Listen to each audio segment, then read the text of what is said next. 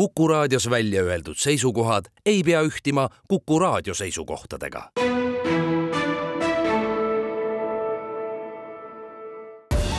Tartu linnasaade.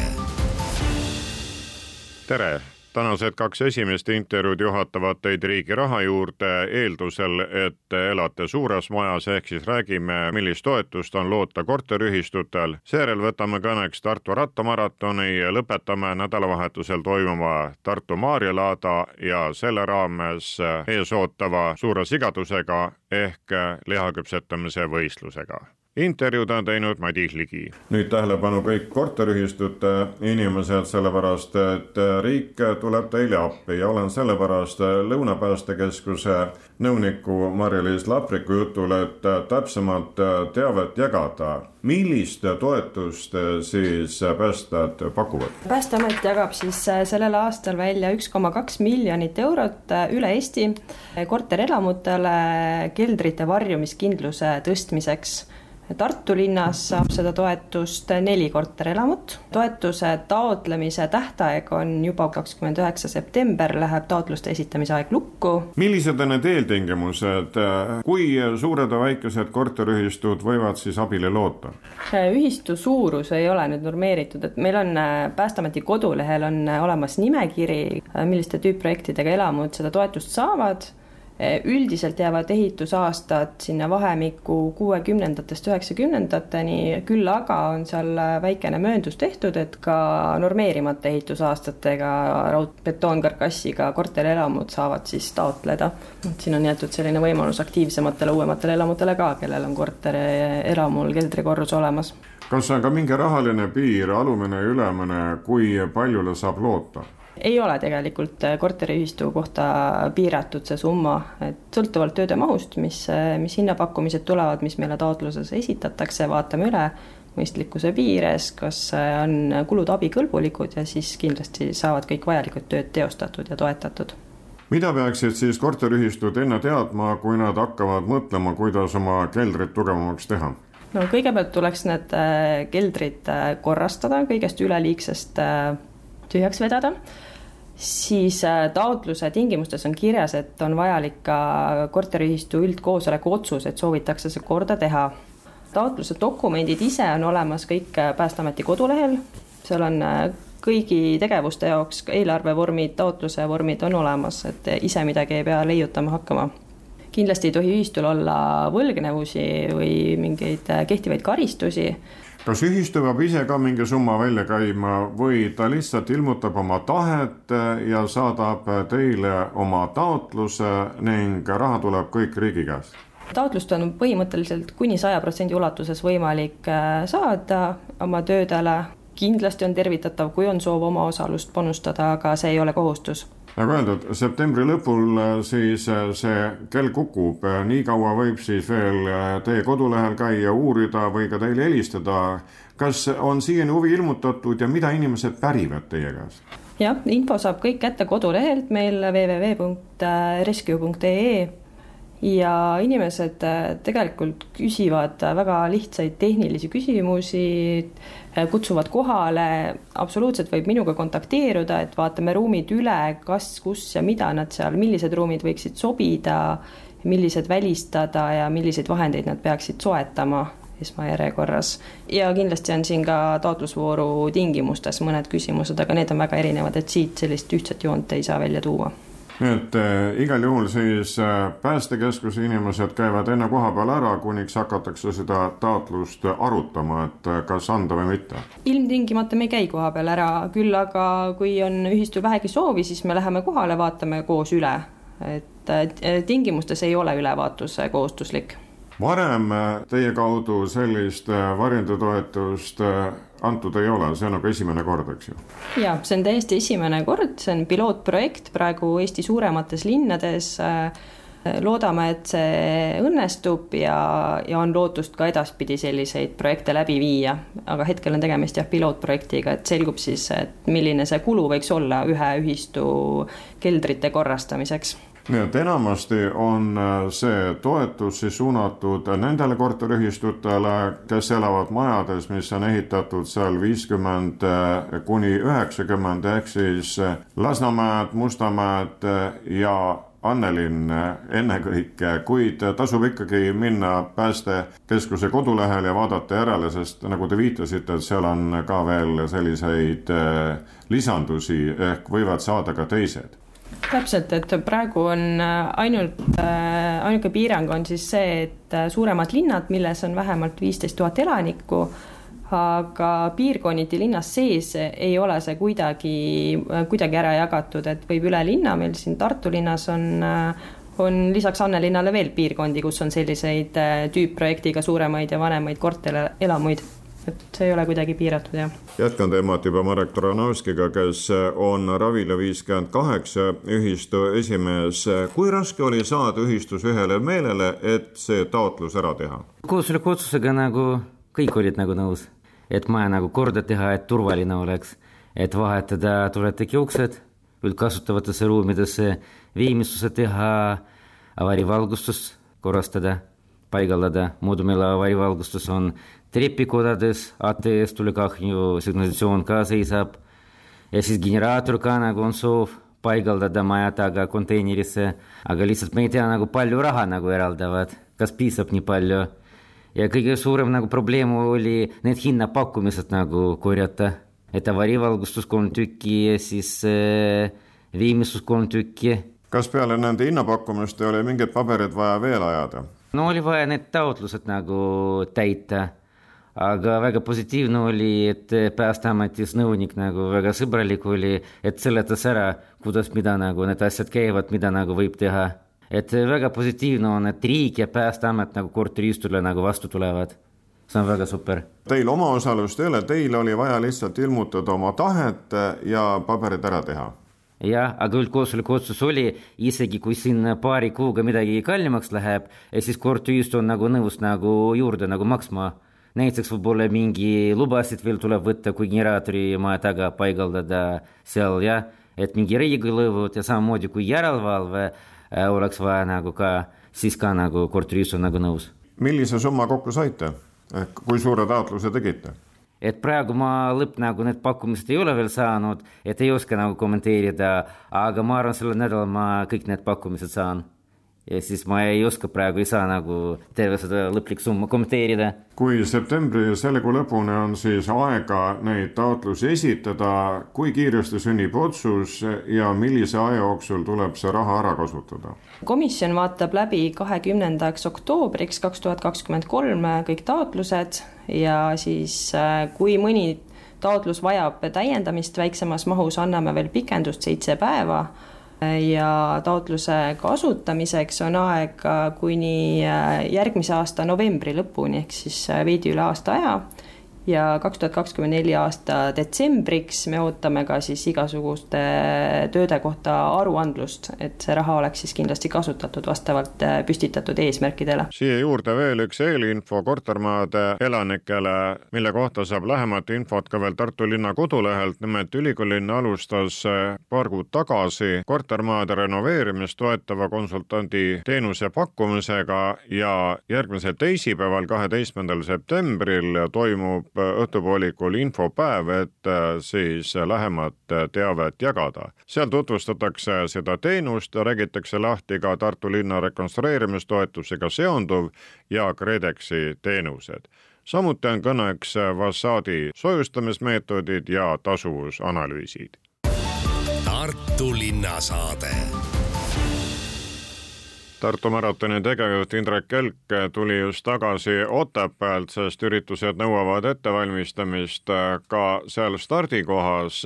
Kas need viimaste nädalate väga kõvad tuuled on ka Tartu maratoni rajale puid langetanud ja tuleb teil saak käima tõmmata, et ratturitele, jooksjatele ruumi teha? jaa, nii ta tõesti on, et äh, metsatöid tuleb teha, et kuigi ma nüüd ise päris metsatöödelt hetkel kahjuks ei saanud tulla, et nii palju on seda organiseerimis ja, ja kokkuleppimise asjade läbirääkimise värki, et ise saagi kätte ei saa võtta, aga rajameister on pidanud nüüd äh,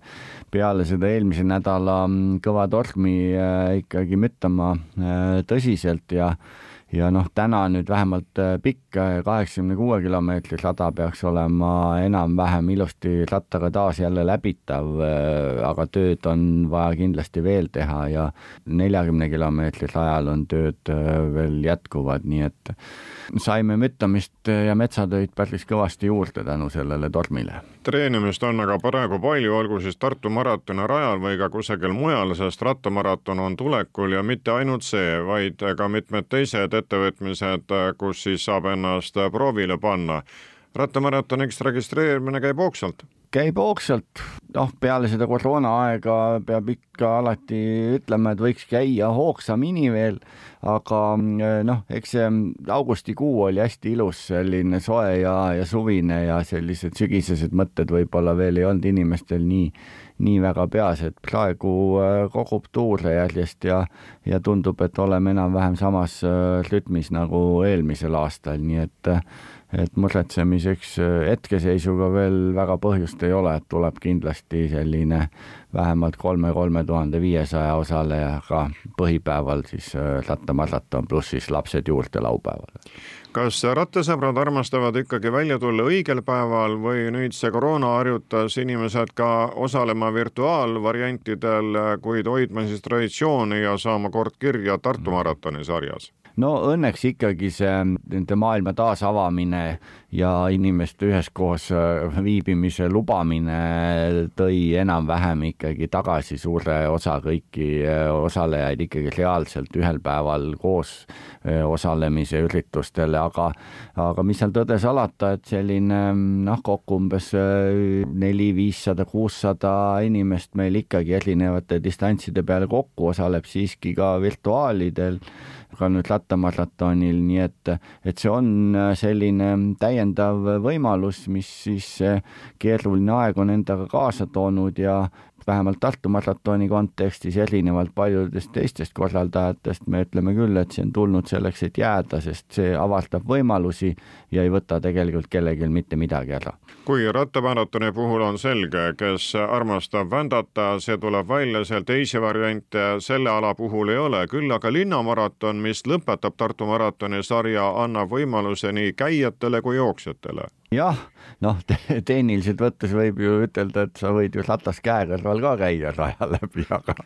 ja, ja mis seal tõde salata, et väga keeruliste ilmaolude puhul võib neid päris mitmeid kilomeetreid ka nii-öelda sunnitult äh, rattamaratonil olla, et et õnneks äh, see sügis äh, vähemalt seni lubab päris ilusaid rajaolusid.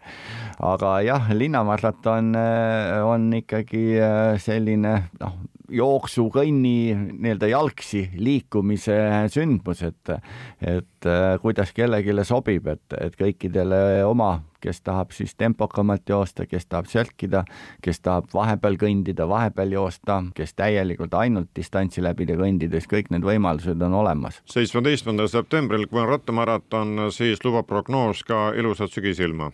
ja praegu tundub küll, et äh, peaks ka järgmine nädal olema veel ilus äh, soe nii-öelda vananaiste suvi, nagu me,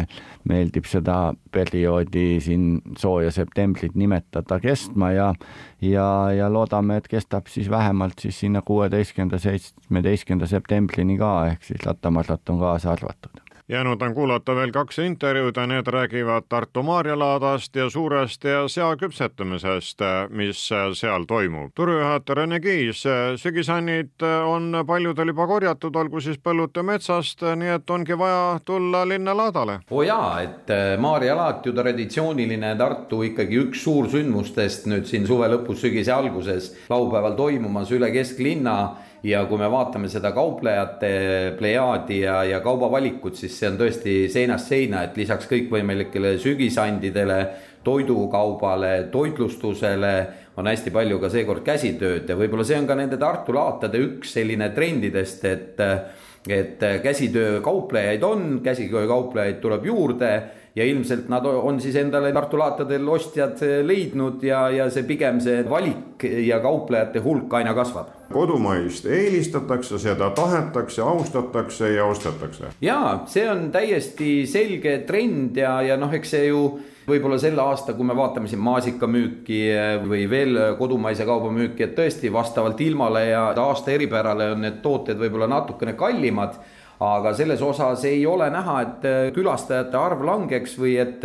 huviliste arv siin langeks, et meil ju turu peal ka on maasika tipu ajal oli üle kolmekümne erineva kodumaise maasika pakkuja ja selle jaoks, et seda veel eristada, on meil siin turul ka olemas selline märk nagu turutempel, et mis näitabki, et just siin Lõuna-Eestis kasvatatud, kasvataja ise käib müümas ja niimoodi ongi, nii et jah, kodumaise nii käsitöö kui ikkagi aias kasvatatu ostmine kasvab ja rõõm on tõdeda, et kauplejate hulk on ka suurem. see Maarja laat kui eelviimane Tartu laatade reas on eeloleval laupäeval ja nii Tartu turul kui Tartu kesklinnas. ja et Maarja laat on laiv või nagu Tartu äh, need laadad üldse, et me oleme püüdnud jagada kogu kesklinna territooriumi ära alates Raekoja platsist kuni Küüni tänava ja Turuhoone ümbruse ja Emajõe äärt pidi siia avaturuni välja. erinevad atraktsioonid, seal on ka Kiikingu Eesti meistrivõistlused, nii et kogu perele vaatamist, tegemist, olemist. ja mis on ka seekord vähe suurem, on siis avaturul päev otsa on meil täika.